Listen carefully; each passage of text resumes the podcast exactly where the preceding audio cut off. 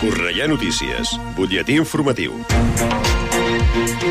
Molt bona nit, els parla Verònica Tomico. L'Ajuntament de Cornellà ha aprovat definitivament els pressupostos i ordenances municipals per a l'any 2024 a la sessió plenària celebrada al desembre. El Partit Socialista de Catalunya i Cornellà en Comú Podem han ratificat un pressupost consolidat de 137 milions, comptar amb les empreses municipals. Aquests comptes inclouen també 8 milions en inversions a la ciutat. El plenari també ha aprovat una pujada dels preus públics i les taxes. La resta de partits a l'oposició, Esquerra Republicana, PP i Vox han votat en contra tant de les noves ordenances com de la proposta del pressupost. El Centre Cultural i Recreatiu Extremeny La Sagarra convida la ciutadania un any més a gaudir del seu pessebre. A més, els infants cornellanencs podran lliurar les seves cartes a un petxar reial el proper dia 30 de desembre a partir de les 7 del vespre. La ciutadania també pot aprofitar i col·laborar amb la Sagarra a la recollida de joguines de la campanya anual de Creu Roja. Els mercats municipals amplien els seus horaris d'atenció a la ciutadania de cara a les festes nadalenques. L'objectiu és facilitar les compres de les famílies per preparar els àpats dels propers dies. Poden consultar els horaris de cadascun a través del web cornellà.cat.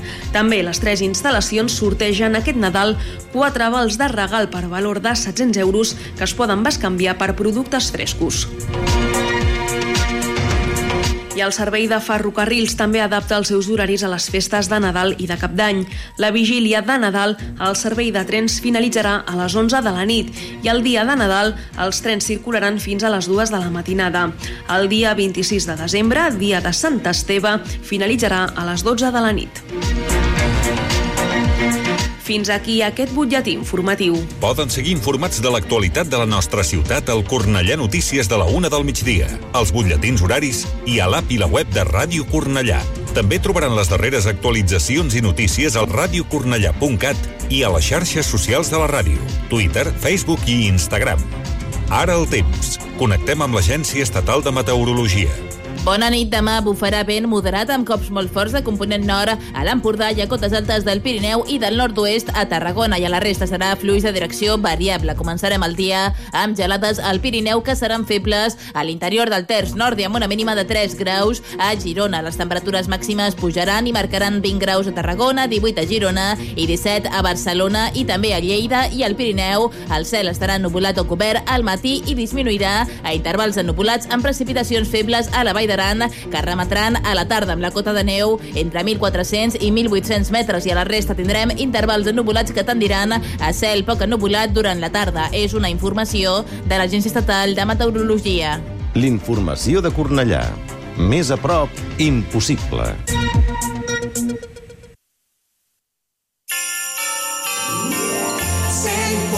FM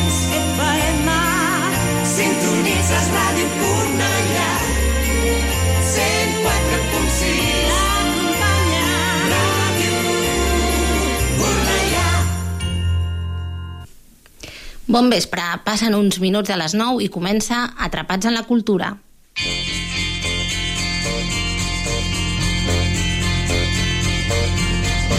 They say we're young and we don't know Won't find out until we grow Per en Bill Murray, tots els dies era la mateixa cançoneta. Estava atrapat en el temps.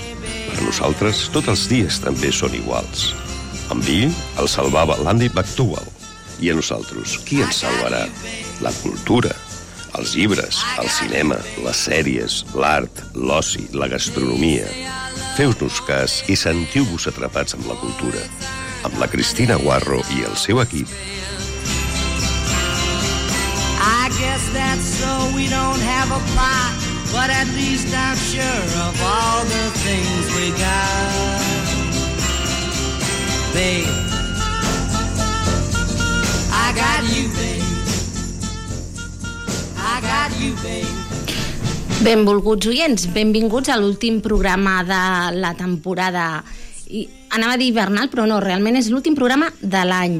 Avui, eh, saltarem una mica l'agenda cultural perquè, clar, fins al gener doncs, hi ha molta cosa i se'ns feia una mica difícil eh, triar les coses, si no en podríem haver estat parlant tot una hora i s'ha de fer més coseta i com que la cultura no s'atura, doncs nosaltres el que us recomanem, que ja sempre en parlem, és que consulteu el portal que fer quefecornellà.cat, aquest portal interactiu, en què trobareu tota la informació de totes les activitats eh, que es fan al nostre municipi. Està superbé des de que l'han reformat i després sempre teniu l'opció de consultar els diferents perfils a xarxes. Teniu el que fer a Cornellà, després hi ha MC de Cornellà, Cultura Cornellà, eh, molta cosa eh, actualitzada al minut i resultado, que dirien un dels clàssics, de programa futbolístic i nosaltres doncs, no ens aturem. Aleshores, passem de l'agenda, us convidem a consultar-la als webs i a les xarxes i el que farem és començar amb una Nadala, però amb l'última Nadala de la Sílvia Pérez Cruz, aquesta cançó de Nadal. Endavant, som -hi. Perdó, perdó, que m'he enfilat.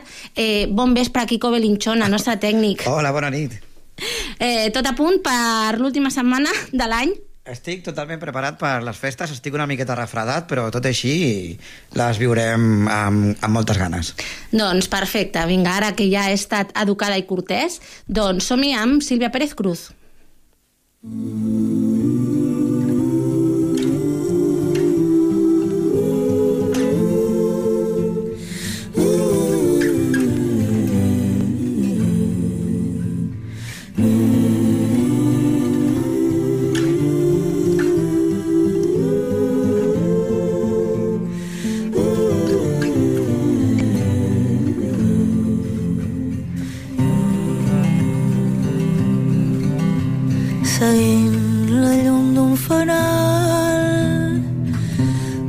Cel pintat d'estrelles caminen pastors i ovelles per camins de sucre i sal ja no neven al portal.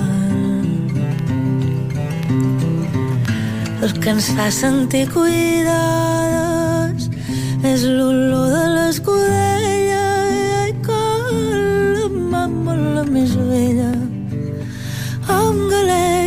fa arcades i amb guirnaldes abraçades.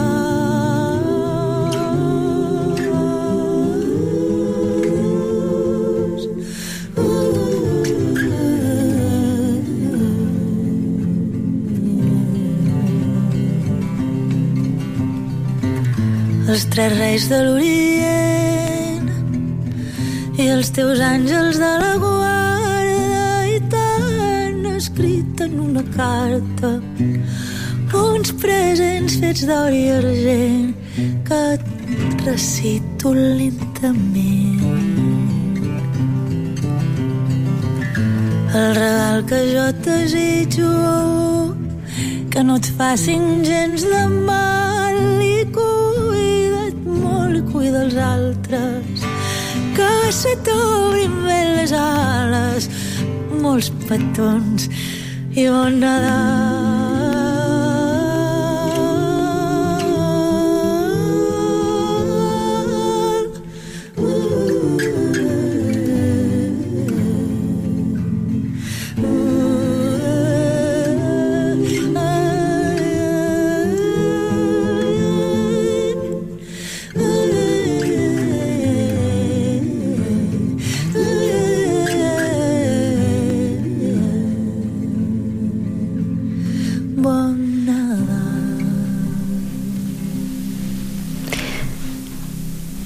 No sé si vosaltres recordeu la, eh, com arribeu a algun dels, dels autors que més, que més us agraden. Jo personalment us comparteixo la meva experiència amb la Mercè Rodoreda. Jo recordo que me la, em van recomanar a l'Home, de fet a la llibreria Sant Miquel d'aquí de Cornellà, ja, ja desaparegut, ja tancada la, la, la llibreria i la papereria també. Eh, doncs mm, em van recomanar llegir a l'home. Després de l'home vaig anar passant a, a la resta d'obres, alguns dels, de, dels relats, la de les camèlies, òbviament eh, la plaça del Diamant, eh, Mirall trencat, i, i sí que és cert que potser no era gaire indicada per la, per la meva edat, a l'home, perquè la vaig llegir amb 13, crec, 13-14, eh, n'he fet re- lectures posteriors i, i he vist coses que no havia vist al seu moment, com jo crec que ens passa moltes vegades, i de fet és una de les coses que sempre diu Italo Calvino al, al, al seu assaig per què llegir els clàssics, doncs una de les coses és aquesta, que cada vegada que els llegeixes o rellegeixes i descobreixes diferents nivells de, de lectura. Doncs jo deia això perquè cadascú no, mm, té diverses maneres d'arribar-hi i això és una mica el que li va passar a l'entrevistat d'aquesta setmana en Jordi Bossoms amb la Charmaine Cliff, que hi va arribar doncs, d'una manera que, que no esperava trobar-la. La Charmaine Cliff és una dona de la qual Justament aquest any que hi acaba se celebra el centenari del seu naixement, va ser una periodista i escriptora austra australiana que va quedar...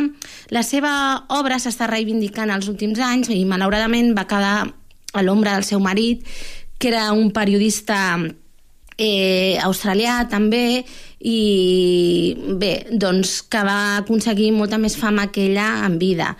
Aleshores és una mica, recorda una mica la figura de la Sílvia Plath amb el seu, amb el seu home. I si us sembla, us convido a escoltar l'entrevista perquè sapigueu com hi arriba el nostre entrevistat, que és, ell és en Jordi Bossoms, és el prologuista de A la recerca del Lotus que publica l'editorial Les Hores, i de fet, doncs, eh, escolteu la història perquè tot plegat eh, té doncs, molta gràcia. Endavant. and I'm feeling good.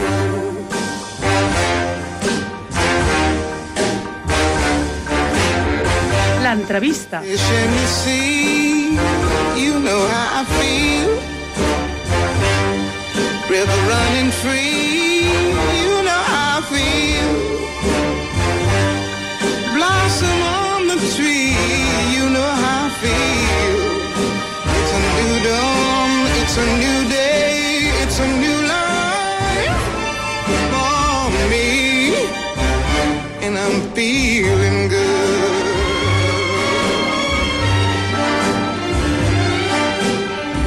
Dragonfly out in the sun,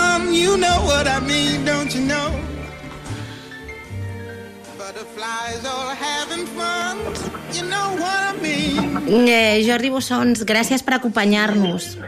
Hola, bona tarda. Bona Cap problema. tarda. Sí, començarem una mica in media res perquè ja, ja farem anar, ja editarem després a posteriori.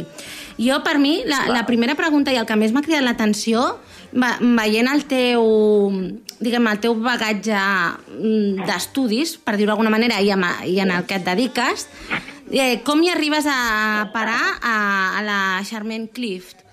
Ah, mira, això, a veure, jo sempre he llegit molt, això sí que ja em ve de, em ve de casa, que diguem, Sí, i suposo que més o menys eh, comença que vaig estar a Hydra, vaig anar, vaig anar per aquell llibre a través de Leonard Cohen, de fet, sóc gran fan seu, i allà em vaig començar, vaig començar a informar sobre gent que havia viscut allà, eh, la comunitat que hi havia crescut d'artistes d'allà, que sabien que havien creat part de, bueno, de la seva obra en aquella, en aquella tan petita, i vaig anar a parar a Charmian, i de, la vaig llegir en anglès, evidentment, en anglès, uh, vaig llegir el seu marit també, i em semblen dos escriptors profundament interessants. Vaig pensar, ostres, uh, s'ha de llegir més d'aquesta gent. I vaig començar a informar-me, vaig començar a llegir la seva biografia, a llegir, bueno, uh, sí, tot el que vaig trobar allà, sí, em va semblar realment brillant. I no sé, una cosa ha portat a l'altra, suposo. Sí, sí. La veritat que ja no té res a veure amb el meu bagatge, no? Això m'ho veu, dius, això és cert. Sí, a Però mi bueno. és una cosa que, que em va cridar l'atenció. La, la, si et dic la veritat, estava allà intentant esbrinar-ho. Dic, hi ha d'haver alguna connexió No, amb, no. les, amb les illes, amb, pensava, amb Grècia, amb, la, amb les illes, alguna cosa, això sí que... No, clar. Bueno, jo estudia grec antic, això sí, Sí. sí. de clàssiques, Sí, i sí, sí. que el que Per Grècia aquí. sempre m'ha interessat molt. Però ben bé Hidra, clar, de fet Hidra és una illa que no hi ha cap, no hi ha cap resta de la Grècia antiga. És una illa que es va començar a habitar, eh, bueno, a l'edat medieval, crec que no hi ha restes de la, de la Grècia arcaica, que diguem. I sí, és molt curiós, vam anar per allà per Leonard Cohen, més aviat.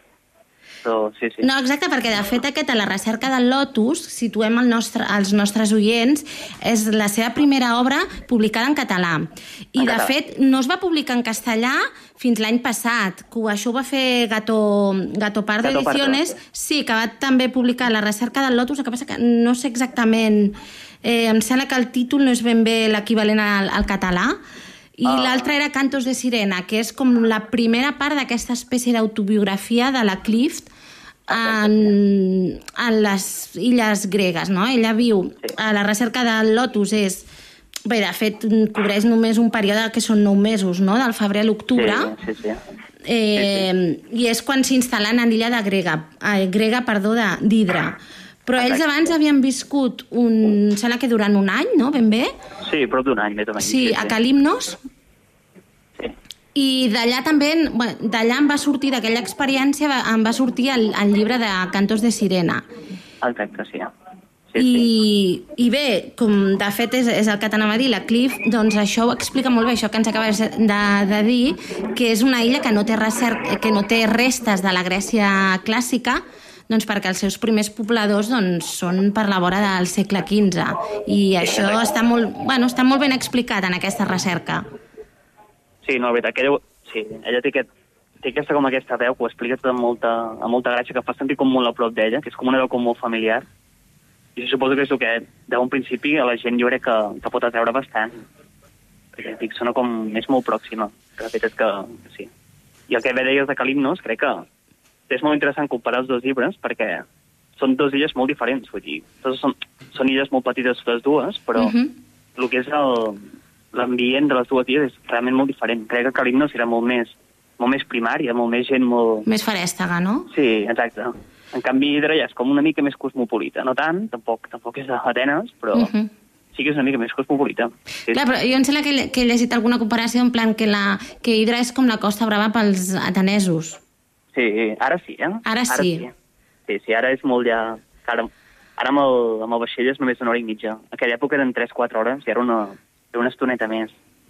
I sí que hi havia bastants nobles, bueno, nobles aristòcrates de- d'Atenes que tenien la segona residència allà, però tampoc era, era, era mas turisme, com és ara. Encara sí que... Si no hi vas a l'hivern, està ple de gent. No? L'estiu sempre està ple de gent. Sí, sí. Això ara, eh?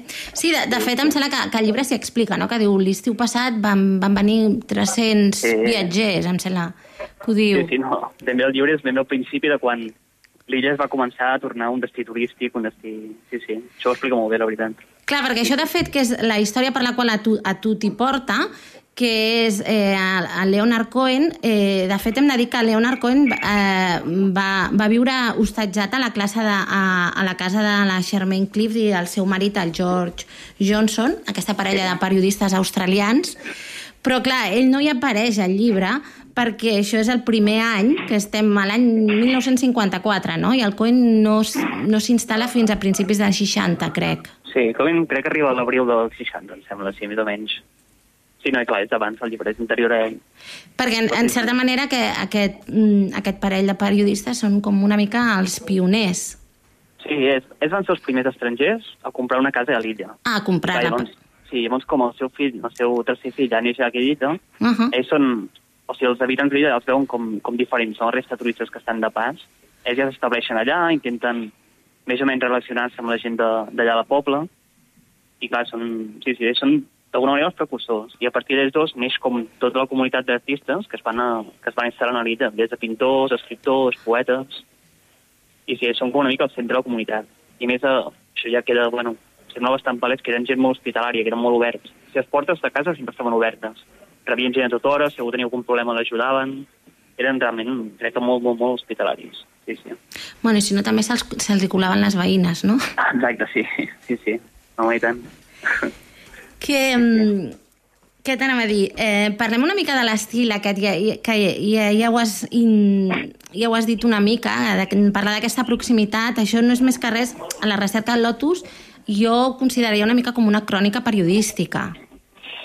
Sí, sí, de fet, sí que ho podíem interpretar així, eh? perquè ell al final descriu el seu dia a dia, descriu una mica el que veu, el que li va passant, eh, les coses que escolta per aquí, les coses que, que li diuen les veïnes. Sí, sí, Mhm. realment va una mica cap aquí la cosa, i tant. Sí, que d'aquí, d'aquestes observacions aquí també és una mica aquest estil costumista, no? De caracteritzar la vida al poble i els contrastos entre ells i, i els veïns Exacte, sí. i els illencs. Eh, eh, tu saps si... Perquè aquí al final, eh, també llegint, llegint el llibre, jo tingut la impressió d'estar llegir, no, mentalment, eh, em, em venia al cap una comèdia grega, de les clàssiques. Per aquesta ca- caracterització una mica dels personatges que fa, dels illencs, sobretot. Sí, no, home, és, home, jo suposo, vull pensar que ella havia llegit una mica tot el que era la Grècia antiga, que estava molt ben informada de les coses. Com ella fa referència a diferents mites, parla d'Icar... Sí, exacte, de- sí, sí, això sempre t'anava a dir, que hi ha, hi ha totes aquestes referències. I jo no sé si el nom dels illencs són realment, perquè, No, clar, jo allà crec- hi ha, jo hi ha que una no Cassandra, reals, hi ha un Sòcrates, hi ha un Creon... Sí, no, no, no. Jo crec que no són reals, eh? De fet, és, bueno, hi ha un altre llibre que, que sembla que el parlo pròleg, que és, el, que és com el gran volum sobre la comunitat aquesta d'Hidra, Uh -huh. que sí que intenta ficar una mica cara a cada persona que va, que va passant per allà, no? O sigui, vull dir, els que parlen del llibre intenten ficar-los cara, no? A veure qui érem, si realment, jo què sé, si en Sòcrates era realment regent mobiliari, i crec que sí que tenen noms diferents, que, que van ficar com un, com un, bueno, com un pseudònim, no sé si per protegir-los o per fer-ho més, no sé, fer la lectura més, no sé, més oberta, més dinàmica, no sé. No, perquè de fet el que sí que sabem són els noms reals del que són els, els altres estrangers, Sí, els altres sí, clar. artistes que, que poblen l'illa. Sí, clar que són més fàcils de- d'identificar, que diguem. Sí, sí. Eh, una de les, eh, una altra cosa de- d'estil és aquesta mm, manera a vegades de caracteritzar els personatges. Eh, per exemple, quan parla del Feodor, m'ha cridat molt l'atenció que el, el defineix com un sàtir cansat. I després hi ha també aqu- aquesta descripció del, em sembla que és del notari a les primeres pàgines, que és com... què diu? A veure... O sigui, que és... Sí, és que el defineix com a, com a asmàtic o... També, o sigui, és com eh, fent servir l'epítet just i no més enllà del, del necessari. Sí, no, realment jo crec que era molt precisa. Ella tenia molta finura per aquesta mena de coses. Anava molt bé al detall. I això sempre penso, que o sigui, George encara no s'ha traduït mai al català, no? I no sé mai si arribarà a traduir-se. Però en això és molt diferent ella com el seu marit perquè ell és molt, molt subtil i és com... Sempre va buscar com l'imatge poètica. Uh -huh. I en canvi en George, com és un escriptor de raça, que feia com... que, bueno, sí que va caure una mica literatura de gènere, però també literatura més, més culta, però era molt, molt escriptor de raça. Molt de... més, de, més, uh, no sé, més lo bàsic, diguem, més cap a l'acció i cap a... que la novel·la sigui... tingui... bueno, que tingui carn, que tingui acció. Bueno, potser També ell, com que havia estat corresponsal de guerra, no? Sí, Clar, aquest crec que tipus va. de- d'experiència també et deu marcar. Sí, i tant. I la Charmin és això, ella capta molt bé el detall de la gent, de la gent, de les imatges que veu. Per això crec que, que realment, ostres, que és una escriptora que, que és una, una alegria que ara s'estigui tornant a parlar d'ella perquè crec que tenia molt, molt talent. Sí, sí, estic molt content, no ve tant. El, el pròleg, eh, tu dius que una de les coses que li, bueno, que li van jugar en contra en el moment és que aquest llibre es publica tres anys després de ser escrit o del que ell esperava també publicar-lo per diferents problemes. I que durant aquest lapse de, de temps, clar, ja es, es publica Kerouac i, que, i alguns altres de, de la generació Beat. Sí, que, que dius que en, això, que en aquest sentit li, li juga en contra perquè és com, un, com que ella podria haver estat eh, una mica pionera. sí jo crec que sí. Jo crec que... Realment no me'n recordo on vaig llegir això, però em va semblar que era molt encertant. És això, clar, eh, al moment que ella escriu el llibre, sí que hagués sigut com, com una gran novetat, no? Una senyora que escriu des d'un lloc com molt remot, que, que no hi passa gaire res, que està com a, lluny dels centres culturals, Uh -huh. però clar, eh, en aquest lapse, aquest lapse de 3-4 anys que hi va haver, que clar, eh, que en el món editorial, dit, que és una barbaritat, 3 o 4 anys, pot passar de tot. Mm. I just durant aquests 3-4 anys va com esclatar tot el moviment vi. que A part de Kerouac i Ginsberg i companyia, hi havia molts llibres, o sigui, alguns molt bons i altres no tan bons, eh, també s'ha de dir, que jo que sé, que parlaven d'aventures d'un senyor a l'Himalaya o d'aventures de, no sé, un altre que anava a explorar l'Àfrica tropical, o, bueno, no sé, coses molt exòtiques, molt, com molt crues, no? com, molt, com molt intenses. Llavors el llibre de Charmin, que al final val, que sí que està en un lloc remot, però al final és Grècia, no? Vull dir, tampoc és un lloc perillós, que diguem, ja no crida tant l'atenció. Perquè és molt diferent estar-se a una illa grega, que al final, què és el pitjor que pot passar? Que està incomunicat, vale. Que no hi ha llum, Ah, no? Clar, és que no hi ha llum. Però clar, això en comparació d'anar a creuar, no sé, el desert del Sàhara, doncs entenc que no sigui tan intens. I tinc la sensació que aquella època es va posar com molt de moda, aquesta literatura tan cruent, de coses com molt, bueno, això, com molt intenses. Sí, sí. I això ens va anar bé, clar. I el llibre també potser, no sé si seria la constatació una mica d'aquesta impossibilitat d'intentar portar una vida austera, perquè ells en principi el matrimoni s'instal·len allà. Recordem que són australians i han viscut uns anys a Londres, estan també una mica, el clima no hi ajuda gaire, i decideixen anar a, a buscar el sol, que de fet aquí el sol la, i la descripció que en fa és una constant a la recerca del lotus, però clar, al final, per, per molt que vulguis dur una vida austera, eh, clar, els problemes econòmics hi són. Vull dir, hi ha una necessitat igualment d'aconseguir ingressos. Sí, sí, jo crec que de fet ells van pecar d'ingenus. Jo crec que van pensar que, que seria més fàcil del que realment era. Ells creien que realment podrien viure la literatura, que, que els hi caurien ingressos del cel, i jo crec que almenys al principi no, no va ser així. Després ja van anar, van anar publicant amb més èxits, sobretot en George va publicar un parell de llibres que van tenir realment molta repercussió, Uh -huh. i sí que van començar a ingressar bé. Però clar, al principi ja que van passar bastantes penúries. En comparació amb l'altra l'altra gent que anava arribant a l'illa, sí que semblaven benestants. que Havien pogut comprar la seva pròpia casa, més o menys tenien menjar pels seus tres fills. Uh -huh. Sí que semblava que, que, bueno, que clar, en comparació eren benestants. Però sí que, clar, en aquest moment, a veure, uh, ara mateix em semblaria molt, molt pobre aquella gent. Però, Sí, per, sí, perquè de fet al final també la, la Charmaine també sembla com que es queixa que, el, en George té, és massa esplèndid, Sí, sí, sí, jo crec que sí. Jo crec que, que convida també, eh? massa. Sí, que eren... que els agradava molt la vida de, de seure a una terrassa i anar, anar passant la tarda, que diguem. Sí, i eren molt generosos, és el que dic. Eren molt generosos amb tothom qui venia a demanar a casa seva, doncs tots li donaven alguna cosa. Perquè suposo que és, també en algun moment de la seva vida potser també devien estar com aquells altres, no? Era que tenien algun mitjà, doncs mira, intentem ajudar. Bueno, això la gent no els hi va agrair molt. Tothom que ha parlat d'ells, tothom els va deixar molt bé. De Leonard Cohen, com, com altres escriptors que van passar per casa seva, sempre els han deixat, amb, els han llogat de gran, bueno, amb molt bones paraules, els han deixat molt bé. Sí, sí. Sí, perquè de fet a la, la contraportada hi ha, hi ha una frase de Leonard Cohen que va dir ells Sí, sí. que bevien i escrivien més que ningú, es posaven malalts i es curaven més que ningú, maleïen i beneïen més que ningú i eren de llarg el, els més solidaris, van ser una font d'inspiració. Sí, no, i tant. Sí, sí. No, Leonard Cohen va estar eternament agraït a ell sempre. Sí, sí. I tant el documental aquest que van estrenar fa, un, no sé, tres anys ja ho feia, Uh -huh. em parla molt bé d'ells. Vull dir, veu molt bé com, o sigui, com gràcies a ells va aconseguir tenir una mica de- d'estabilitat, com van entendre que s'havien d'editar els seus propis textos, com van ajudar moltíssim. Bueno, Van el, van animar, no?, a trobar Sí, la sí. seva veu i a escriure. I tant, no van ajudar moltíssim, sí, sí. I la No. Charmaine, de fet, aquest any és el seu centenari i dèiem que aquí no havia estat traduïda a casa nostra ni en català ni en castellà i a Austràlia havia quedat una mica en l'oblit i sembla que els últims anys s'està recuperant una mica la seva obra. Sí, sí, sí, sí ara s'ha de tornar a recuperar molt tot això. I no sé si és... Sembla que, vaig, que això ho diu el Pol també, que no sé si és per una consciència feminista o per, simplement per justícia, justícia no sé, crítica. Però sí que s'està recuperant molt tot això, clar, i tant. I s'està fent... Ara ha fet un documental també a Aus- Austràlia sobre la seva vida, que s'estrenarà ara molt aviat. I sí, realment s'està recuperant tot. I a Anglaterra es van tornar a publicar les seves obres, s'ha tornat, uh, s'ha tornat, perdó, a fer reculls dels seus articles periodístics, s'ha tornat, sí, sí, s'està recuperant molt. I és una alegria, la veritat. Sí, perquè jo- Havia estat... Hmm. Perdona, perdona. No, no, digues, digues, digues. Crec Acaba, que havia quedat com una mica com a l'ombra del seu marit. Perquè sí que el seu marit és, una, és un escriptor molt important a Austràlia. Encara avui dia, encara fa poc era lectura obligatòria de l'escola, és un dels seus llibres. I va quedar com una mica la seva ombra. Molts gent es compara amb el Tet i la Sílvia, no? Tet Sí. sí. de Sílvia Plat. Però sí, bueno, Sí, d'alguna manera... és me, més o menys són una mica coetanis. Sí, bueno, jo crec que més que res Aprox. pels destins tràgics que van tenir, que van Sí. acabar molt malament tots. Sí, jo sí. crec que va per aquí la cosa. Però sí, sí.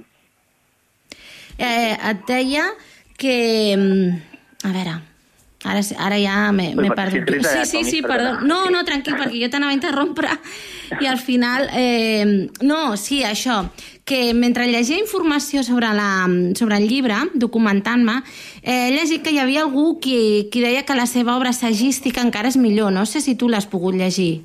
Sí, he llegit, he llegit uh, a casa tinc un parell de llibres, tinc el, tinc el recull dels seus articles que va publicar el Sydney, bueno, no sé com es diu, el diari de per allà, Uh -huh. i també ja, sí, o sigui, jo crec que més que assajos són, realment ara serien articles periodístics, eh? no és allò que, mira, escric un llibre d'assajos sobre filosofia, no sé què, no. Ahà. Són articles periodístics de, que sí que parla de temes molt diferents, parla, jo què sé, des d'aquest moment que la guerra del Vietnam, parla de... Fins i tot té un article que parla dels Beatles de Rolling Stones, que és com, ostres, això és com... No sembla que es puguin relacionar, però sí també en parla, Uh -huh. i parla molt del dia a dia a Austràlia, de, del feminisme. Era, era un, o sigui, un altre tipus de feminista, però també podríem dir-la molt feminista. Ara mateix sembla feminista.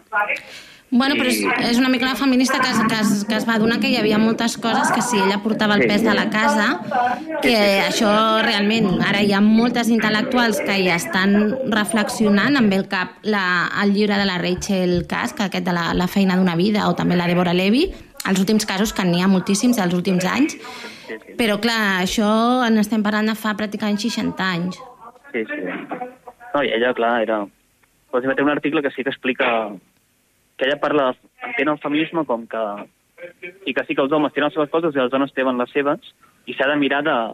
Ella intenta com mantenir una línia. Per nostres, a Grècia, aplicar això a Grècia seria impossible, perquè les dones tenen com aquesta mentalitat de, mira, nosaltres estem a casa, hem d'esperar un marit que arribi, no sé què. I ella aquest conflicte li va trobar com molt fort. Ella no, no acaba de comprendre això, com funcionava. Uh -huh. Però bueno, i clar, ella, al principi, quan anaven allà al bar on passaven les tardes, ella era l'única dona ja que hi bar al principi. O sigui, sí que hi havia la cambera, però era l'única dona que anava allà a veure. I això ella explica que el que els impressionava molt. Això és una dona que, a part de portar pantalons, que era com una gran exacte, novetat, que allò era un està super... allà al bar bevent amb els homes. Ostres, què fa aquesta dona? Sí, sí.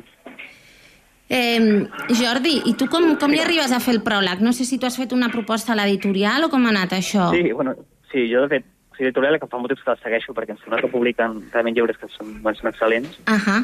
I que tenia aquesta... Ostres, tenia... El Xavi em pensava, ostres, això s'hauria de publicar català, que està realment molt bé, crec que podria agradar fins i tot. Ahà. I jo molt els vaig enviar una mena d'opció pròleg, que era que gairebé el mateix que s'ha publicat, i fins i tot els vaig enviar com un capítol traduït o dos, perquè, perquè veiessin una mica de què anava la cosa. Gràcies a Déu no van, no van acceptar com la meva traducció, van dir, "Ostres, això que ho faci un professional, que ho farà més bé. Uh -huh. que no ho ha fet, ho ha fet molt bé. Però sí que el pròleg em van dir, "Ostres, ens ha agradat molt el pròleg, eh, ens agradaria publicar el llibre traduït per algú que sàpiga, um, acompanyant del teu pròleg, si et sembla bé. I jo, bueno, vaig estar encantat, la veritat.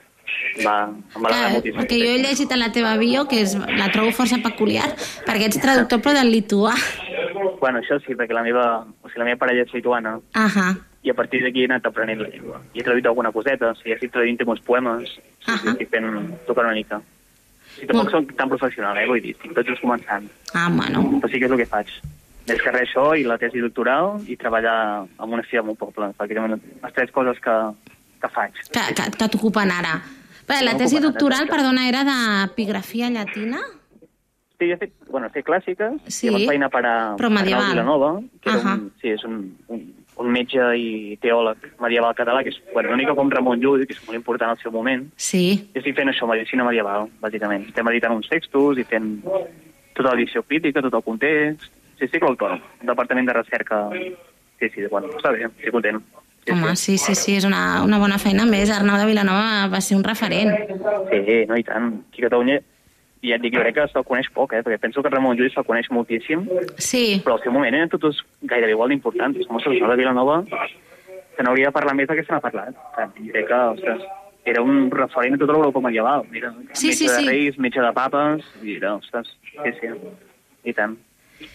Doncs bé, espere, esperem que, que ajudis a, a difondre la seva, la seva obra. Bueno, sí, sí. No, mira, això, Bretenc, mira, m'has d'ajudar-me, això. Avui ja n'hem pogut parlar una mica. Sí, bueno, mira, si vols, quan tinguis alguna cosa més avançada, a mi em contactes i perquè a més jo, jo sóc mediamalista, que he fet romàniques. O sigui que... Sí, sí. Molt bé. Jordi, moltíssimes gràcies. No de res, més faltaria. Vinga, a reveure. Adéu. Adéu, adéu. 104.6 Ràdio Cornellà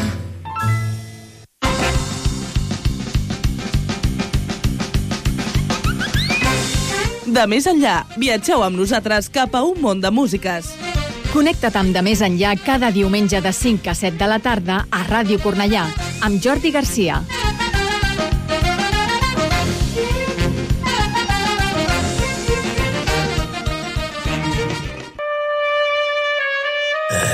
Faré una oferta que no podeu rebutjar. Escolteu el nostre dansa de Ràdio Cornellà els dissabtes de 9 a 11 del matí amb Laia Fernández, Roger Conill i Roger Marín. Home, padrí, volíem guanyar audiència, però no sé si aquesta és la manera. Escolteu la nostra dansa dissabtes de 9 a 11. Capisci?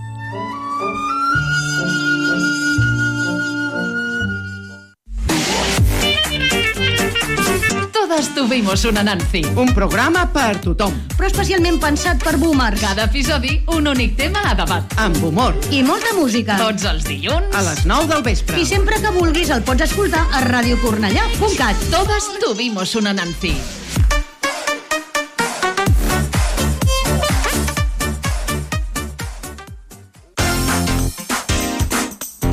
Salut, medi ambient, voluntariat per la llengua, biblioteques, síndic de greuges, solidaritat, gent gran, seguretat, dones, educació. A dos quarts de dues de la tarda, l'entrevista, on parlem dels temes que més t'interessen. L'entrevista, de dilluns a divendres, a dos quarts de dues de la tarda, a Ràdio Cornellà. ¿Tienes una dura semana? Nosotros te ayudaremos a relajarte. Los viernes de 10 a 12 de la noche, toda la música, Deep House, Lounge, Garage, porque otro mundo es posible. Paradis Hypnotic, con Ray Ortega en el 104.6 de la FM.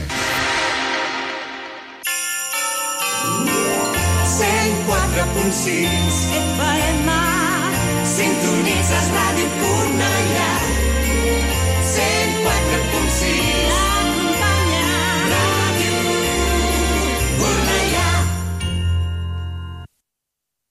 Estàs escoltant Atrapats amb la cultura.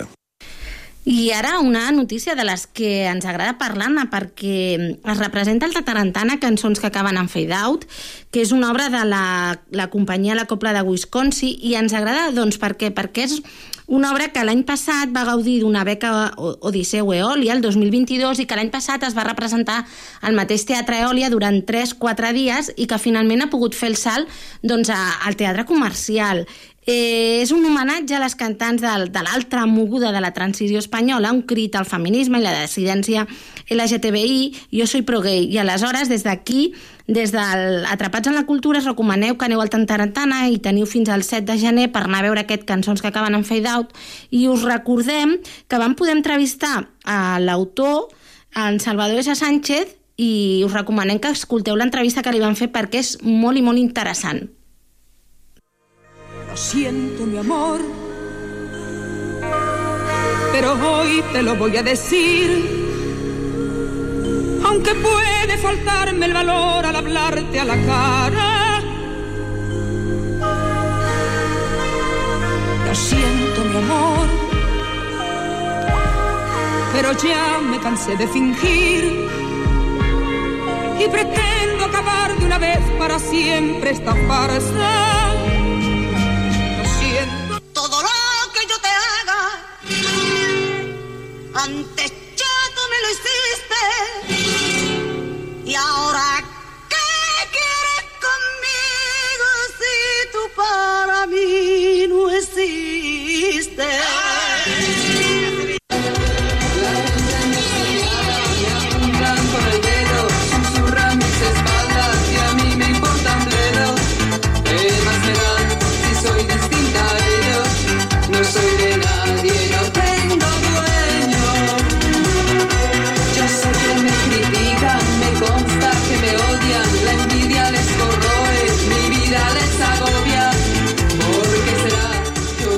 Doncs ja us he avisat a l'inici del programa que, que avui trencaríem algunes idees preconcebudes.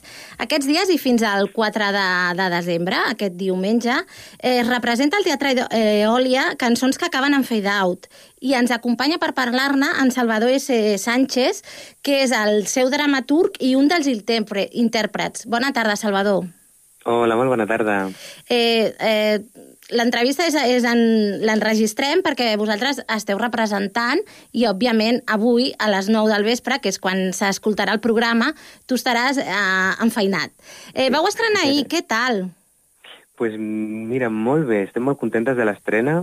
Vam arribar amb nervis i amb moltes ganes de compartir i veure si, si això que estava funcionant als nostres caps i, i als assajos funcionaria davant del públic i la resposta va ser molt entusiasta i, i no sé, estem molt, molt, molt contentes i esperem que, que la rebuda segueixi així tota la setmana. Aquest, el, aquest fade-out del títol eh, és un, una tècnica musical, però en què consisteix exactament?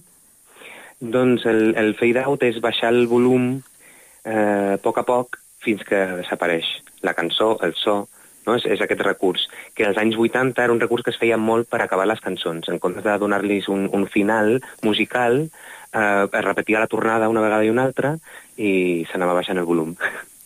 Eh, hem començat l'entrevista sentint algunes de les cançons que, que apareixen al, al vostre espectacle, un, espla, un espectacle que mm, pretén reivindicar una mica el folklore i a les folclòriques, sobretot la Rocío Jurado. Eh, sí, eh, sobretot ens centrem en, en, en la Rocío Jurado, també la Maria Jiménez i la Maritrini. Serien com les tres figures centrals que reivindiquem, tres dones que van, que van triomfar i van tenir molts èxits als anys 80 i bueno, durant tota l'època de la transició espanyola, eh, quan, d'altra banda, en altres àmbits hi havia la movida madrilenya. Llavors, nosaltres reivindiquem la seva movida, la movida d'aquestes dones que també van trencar molles. Clar, perquè nosaltres quan, quan parlem de la música dels 80 sempre ho associem al que tu dius a la movida madrilenya i sobretot en, el, en els estils, amb uns estils musicals determinats, com són el pop rock, tecnopop no? i el punk rock, fins i tot.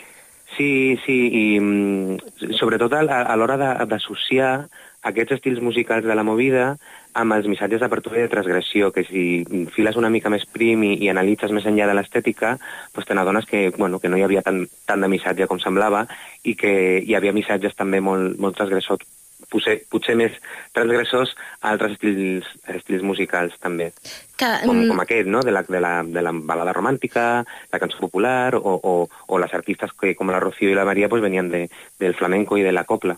I què els va passar amb aquestes artistes com la Rocío Jurado o Maritrini? Bueno, Maritrini ben bé folclòrica no la consideraríem, no? això, per Però això no. Mm.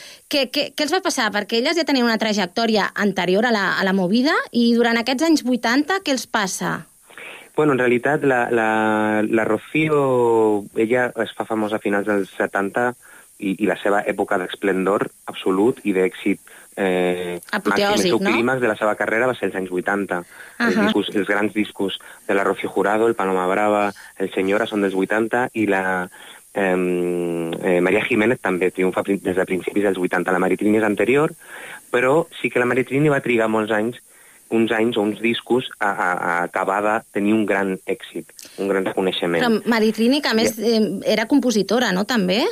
A més a més, clar, Sí. reivindiquem això també, clar, clar, i tant, i tant. Ella, Ella, ella tenia sí, la ella part era- creativa, no només Ella era, interpretativa. ella era cantautora, sí, sí, sí. Venia d'una altra tradició, eh, però també mm, tenia unes, unes lletres eh, molt crítiques, molt crítiques amb el sistema, amb el patriarcat, amb la, el rol de la dona a la societat. Mm.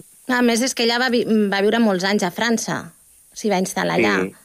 Va estar a França, va treballar a Londres amb 18 anys, vull dir que havia, bueno, va, va començar molt jove la seva carrera, va tenir una carrera molt, molt interessant, molt potent, i com a creadora, com a autora, com a productora i com a intèrpret.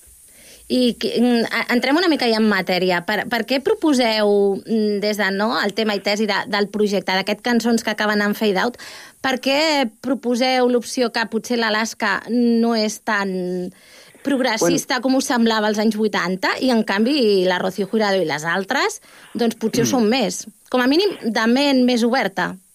Eh, sí, bueno, eh, sobretot el, nosaltres el que volem fer amb l'espectacle és més, més aviat generar aquestes preguntes, però fer una lectura positiva dels nostres referents, que són la Rocío Jurado, la Maria Jiménez, Maritrini, etc. No només tirar, o sigui, no tant tirar per terra No, clar, no en altres, negatiu, no? No en no negatiu. en negatiu, sinó en positiu. De... Aquests són els nostres i els volem reivindicar, perquè avui en dia aquestes figures, figures com la Rocío Jurado, són reivindicades des dels feminismes i, i el col·lectiu LGTBIQ+. I, i, de tant, I cada cert temps es fa viral algun vídeo de la Rocío Jurado amb una declaració feminista a l'any 81, no? dient cos, parlant de feminisme, parlant de privilegi.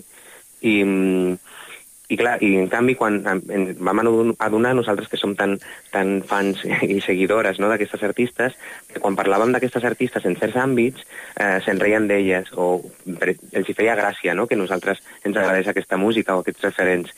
I, i clar, nosaltres ens sorprenia perquè per nosaltres les prenem molt, en ser, molt seriosament la seva, la seva faceta artística, musical i també el seu discurs, perquè si, si això, si t'hi fixes eh, bé en el que deien a les entrevistes i analitzes les lletres de les seves cançons, eh, pues van ser molt, molt més trencadores del que sembla. Sí, per, i, i a més, de totes maneres, per, per les folclòriques, el col·lectiu LGTBI doncs sempre havia estat mm, bé, molt important i vull dir, en certa manera ja se les havien reapro reapropiat en el moment, en el seu moment, en aquella època. Eh, sí, bueno, ni tan sols d'apropiació, com dius, és, és eh, de sempre, no? És, és un binomi que sempre ha anat molt de la mà, ho expliquem també a l'obra, però clar, aquí també entrem en una doble ridiculització, no? Mhm. De Ridiculitzes a la vegada la folclòrica i a la travesti que l'està imitant. Sí. No? Eh, llavors, eh, bueno, reivindiquem les dues figures i, i, i aquesta unió tan important que ha servit de, de resistència eh, durant aquests temps i que avui en dia ens serveix també a nosaltres com a referents. Bueno, però, però el, tra el travestí, diguem-ne que les imitava, ho feia des de l'admiració i des del Absolutament, respecte, no? això sí, això sí. Sí, sí, no, la ridiculització parlo de, de, des de Ja, altres sí, des de la perspectiva, des de fora, sí, no? Sí, sí, sí, exacte. Est estàs dient de les declaracions de la Rocío Jurado que n'havia fet. Mira, si, si em permets, en, en llegiré una que tinc per aquí. Diu, soy feminista, no soy detractora del hombre para nada. Soy defensora de los derechos de la mujer, que es diferente. No se trata nunca de ir en contra del hombre, se trata de igualar conceptos, de igualar situaciones. I això deuen ser, no, no ho tinc datat, però deuen ser declaracions de fa vora 40 Això- anys. a- a- Però encara hi ha gent que està dient que ni machismo ni feminismo. Exacte, aquesta entrevista és del Jesús Hermida, que s'ha llegit de l'any Mhm. 81. Doncs pues mira, eh, més de Imagina't. 40 anys. Perquè ja després després d'aquest espectacle tenim una hemeroteca al cap Sí. de totes Sí. aquestes declaracions, sí, sí, sí. Mm. I com Eh. tu dius, eh, és, és el, la resposta al ni machismo ni feminismo, absolutament, que encara estem així. Total, total. Eh, el vostre projecte, deixa'm que, que digui els noms dels altres membres Sí. que t'acompanyen. Hi, ha, hi ha la Cinta Moreno i després el Joel Moreno. Eh, crec que tots tres formeu la companyia La Copla Wisconsin. No sé si hi ha algun més. Així és. Sí? El- L'equip l'equip estable, l'equip de la companyia, Sou som nosaltres tres. Després tenim una sèrie de col·laboradors fixes, més o menys fixes, Mhm. i d'altres puntuals, però nosaltres som els que sempre estem. Però és la primera vegada que estem els tres a l'escenari. Ah, sí? Sí, és el quart projecte de la companyia, però la primera vegada que estem els tres a l'escenari. I, I quines sensacions teniu d'estar tots tres treballant Doncs, junts sobre Molt, l'escenari? molt, sí, és molt bonic, és molt bonic viure-ho per primera vegada. La Cinta i el Joel, eh, dels quatre espectacles que hem fet amb la companyia, tres, eh, ja van tres, no?, que estan junts. Eh, jo és el segon que estic a escena i que comparteixo escenari amb el Joel, però és la primera vegada que la Cinta i jo compartim l'escenari i, i que estem els tres, això. I, bueno, és, és com un, un, altre, un altre motiu que fa que sigui un projecte molt especial per nosaltres, per poder viure el projecte de creació que hem viscut juntes durant aquest temps, seguint, seguir vivint no? tot això des de dintre de l'escena i, i, i, i viure-ho des de dintre els tres és, és molt bonic. Al, al dossier de premsa parleu que és un espectacle de creació col·lectiva. Explica'ns una mica com funciona, o com funcioneu vosaltres. Bueno, eh, la cosa funciona que, que un de nosaltres té una idea, depèn del projecte, pues el primer projecte va ser una idea de la cinta, després l'infantil va ser una idea original del Joel, eh, bueno, aquest ha sigut una idea meva originalment, no? venim i mira, ve de gust fer això, i ens hi posem, ens hi posem a investigar cadascú en la seva faceta, no? El, el Joel és, és músic, la Cinta és actriu, però és, eh, és molt aficionada a tota la part històrica de sociologia i està molt ficada i li encanta la, també la tasca de documentació, jo sóc dramaturg, llavors, bueno, anem fent els tres a la vegada aquesta recerca musicològica, no?, com li diem, i, i anem eh, compartint idees tant a nivell de discurs com a nivell d'escena i una miqueta ha anat així, ha anat així el procés.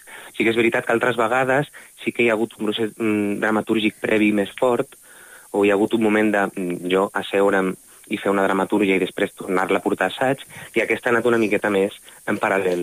Ha anat a la vegada, hem anat fent assaig i, i jo fent propostes dramatúrgiques o, o recol·locant eh, coses que han sortit assajos, però sí, sí, ha sigut una feina molt col·lectiva.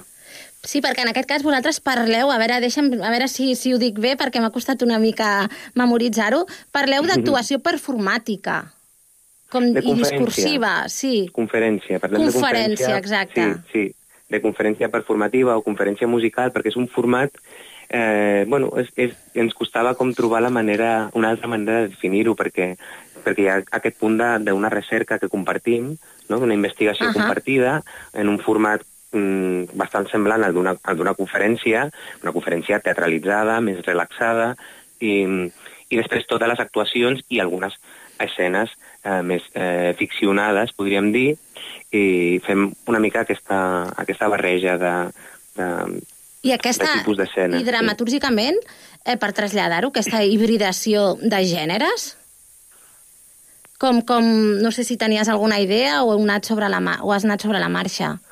Bueno, ha anat, ha anat una miqueta sobre el procés de creació, hem fet eh, un, una, un, un buidatge de moltes, moltes entrevistes, un buidatge d'una sèrie de llibres que citem durant l'espectacle, ens hem vist moltíssimes actuacions, hem, hem anat triant eh, actuacions, entrevistes, cites, no? I tots aquests materials els hem, els hem anat eh, lligant no només des de la part dramatúrgica, sinó també a nivell escènic. S'ha anat construint així.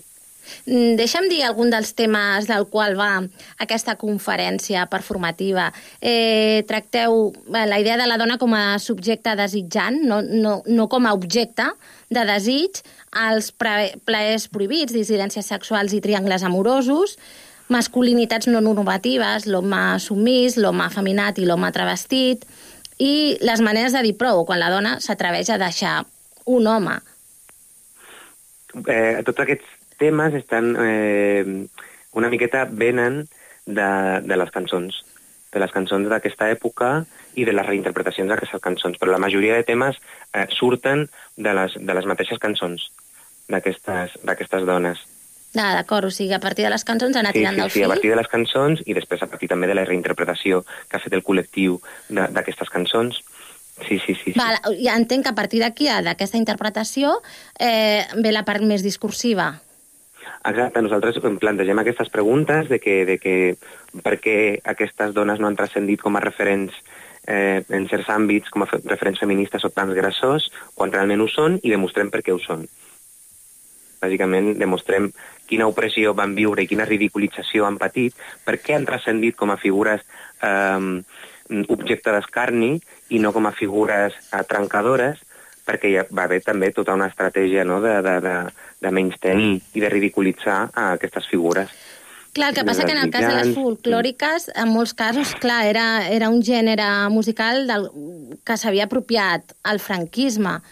No? Suposo que va quedar una mica associat, Bueno, hi havia no aquesta sé. associació, però sí. clar, la Rocío Jurado venia del flamenc, venia No, de la no, copla, no. Però, però va, fer, va fer pop, va fer mm, Sí, sí. mm, alguns temes de pop rock autèntic, eh, molts temes amb sintetitzadors, amb tota l'estètica dels anys 80, vull dir que ella ja es va allunyar volgudament d'aquesta estètica, tot i que tornava quan ella volia, no? anava i venia, no, no tenia cap problema ni cap prejudici, i, i la Maria Jiménez mm, ella venia més del flamenc i, i va fer bàsicament eh, rumba, no? un flamenco pop, que, que, bueno, que sí que hi havia aquesta associació de, de, de la copla i el flamenc amb el règim, aquesta apropiació, però elles de seguida es van desmarcar, no només amb les lletres, a més a més, sinó també a nivell estètic, perquè va ser, elles dues van ser pioneres en introduir una estètica que no fos eh, folclòrica en escena. Bueno, és que la, la Rocío Jurado va tenir molts problemes de censura, sobretot amb els seus escots i tot això, a Televisió Espanyola. Sí, sí, les seves transparències Sí. i, i van ser les primeres en contractar dissenyadors eh, per, per les seves gires i les seves actuacions. Sí, sí, pioneres. I de fet, la Rocío Jurado, jo el que passa que no, no recordava la lletra de la cançó perquè tampoc no és que sigui super, super coneixedora de la seva, de la seva, del seu repertori, però n'hi ha una que parlava de la masturbació. Sí, sí, és una de les cançons just que cantem a l'obra que es diu Amores a soles. Ah, i que t'atreviries a cantar-nos una mica? No sé, eh? Ai, ara, ara, ara Ara mateix, no. no puc, on No. estic, no puc fer-ho, però... val, val, val. No, no t'acompanya us- l'ambient en què et trobes. us puc explicar, us puc Sí. explicar que, és, que, que és la Rocío Jurado parlant en primera persona de que ella està a la platja i amb una Mhm. sèrie de metàfores marines eh, t'explica la, la seva masturbació. I jo em pensava que era la típica cançó de cara B, no? que no va ser un single i que no, no va tenir gaire... Perquè de, de quin any és la, la cançó? Ho El saps? Amores a solas, eh, ara no sé si és del disco de Senyora o de Paloma Brava, és un, Ajá. un dels dos, diria que el de Senyora, però és dels anys 80, és un dels dos discos que va fer amb el Manuel Alejandro. Ahà. I, I un dia, ma mare és molt, molt, molt fan, no? A mi em ve d'aquí l'admiració de, De la l'Artur passió. Jurado. I, mm, ho he viscut molt a casa. I, i un dia, fa, fa poc, aquest estiu, eh, just estàvem a la platja amb ma mare i li estava parlant del projecte. I, i li vaig parlar d'aquesta cançó que no l'havia que no la coneixia i ma mare me la va cantar sencera. Però ta, que- ta mare ja sí, tam, sí que deduïa de què es tractava. La Claro, metàfora l'entenia, sí? Eh, sí? I, i, no, i no, no, no, només, no només això, sinó que, a més a més, la recordava sencera, després de 40 anys. Mira, és a dir, que, que, que no, no, no, no, va ser una cançó tan menor. No, tan no, que realment va ser un pensava, hit. Perquè... Va ser un hit. Sí, sí, sí, sí. Ah, escolta, eh, Salvador, cançons que acaben en fade out, eh, ha rebut la beca Odisseu Eòlia Exacte, mm, sí, d'investigació. I més D, no? És investigació i desenvolupament, poso les sigles. Eh, en què consisteix? Doncs, o què us doncs comporta mira, a vosaltres com a companyia? ens comporta eh, la beca Odisseu de l'Eòlia consisteix en una, en una residència artística de dos, dos mesos aproximadament de duració Mhm. i després un mes de un mes, perdó, una setmana de residència tècnica i una altra setmana de mostra d'aquesta feina, que és el que estem fent aquests dies, que són aquestes primeres funcions per mostrar el resultat de, del procés de residència, amb un, amb un suport a la producció i també suport del, de l'equip del, del teatre i de l'escola. Entenc que la, la residència tècnica, que és quan us deixen l'escenari perquè instal·leu, Exacte. feu les proves de so, residència tècnica és, no? és, és poder o passar una material. setmana per muntar i, i assajar aquí a l'escenari i fer el disseny de llums, de so, etc. Sa- Sabeu ja si teniu opcions de, de programar de nou? O... Doncs, bueno, deixem obert l'interrogant. Tenim... Perquè són molt poquets dies, eh? Sí, bueno, és, és, és, és, la, és la mostra de la residència. Nosaltres Ah, volem val, fer temporada, volem fer temporada i volem fer gira, volem fer...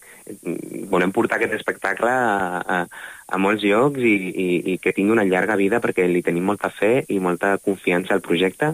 O sigui que... Ma, a mi m'ha semblat una, que- una proposta molt engrescadora, eh? està, està generant molta expectació i, i de moment, almenys prèvia i estrena, ha tingut bona acollida, o sigui que, o sigui que esperem que, que continuï així i, i, que, I una- i que, duri, una- que duri el fade-out, sí. que sigui llarg el fade-out. Sí, sí, llarga vida.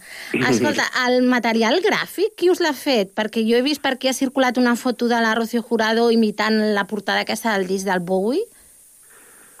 Eh, no, però aquesta imatge no és nostra. No. No, en la, la nostra imatge nosaltres hem fet unes samarretes pròpies Sí? eh, amb frases de les nostres, de les nostres ídoles Ahà. I després hem fet una sessió de fotos amb la Núria Gami, que és la nostra, bueno, és una fotògrafa eh, amb la que sempre treballem per fer les fotos promocionals i que ens ha fet aquesta sessió rockero-folclòrica que surt a les fotos promocionals i amb el maquillatge i perruqueria del Sergio Chacón, que és també un grandíssim professional amic que, que gràcies a ells tenim, tenim aquest material, sí, sí. Bueno, l'estètica és molt ochentera, eh? Sí, clar, clar, A i tant, i tope. tant. Doncs deixa'm que, per acabar, deixa'm que recordi als companys que, la, o la resta de l'equip que us acompanya en aquesta producció Sí, de la Copla de sisplau. Wisconsin. Sí, a la direcció escènica hi ha la Rocío Manzano, direcció musical al Joel Moreno, el disseny d'il·luminació la Belén Fernández i el disseny de, de so el Damià Duran. Recordar als nostres oients que Cançons que acaben en fade out es pot veure a l'Eòlia fins al 4 de desembre. Eh, Salvador, de veritat, moltíssimes gràcies. Gràcies a vosaltres. Llarga vida aquest Cançons. I Moltíssimes gràcies, ha, ha estat un plaer parlar amb vosaltres del projecte i ens veiem per aquí. perfecte. A reveure. Una abraçada. Una abraçada. Queda't atrapat amb la cultura.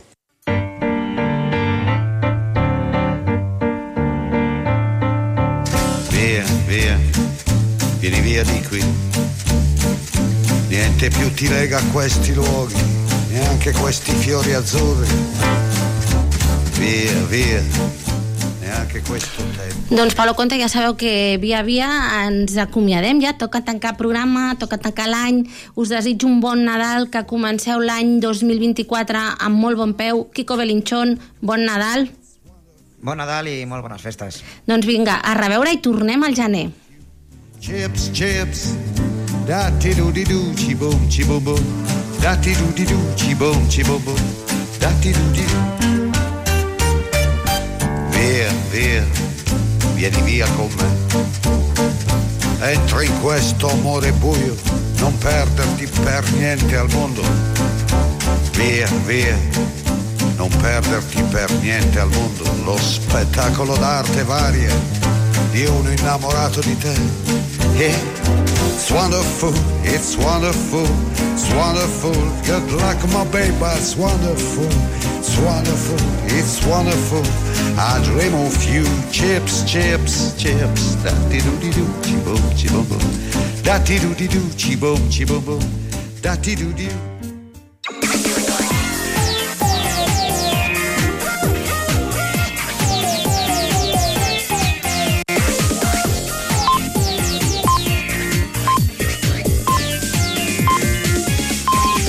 Són les 10. Correia Notícies, butlletí informatiu. Molt bona nit, els parla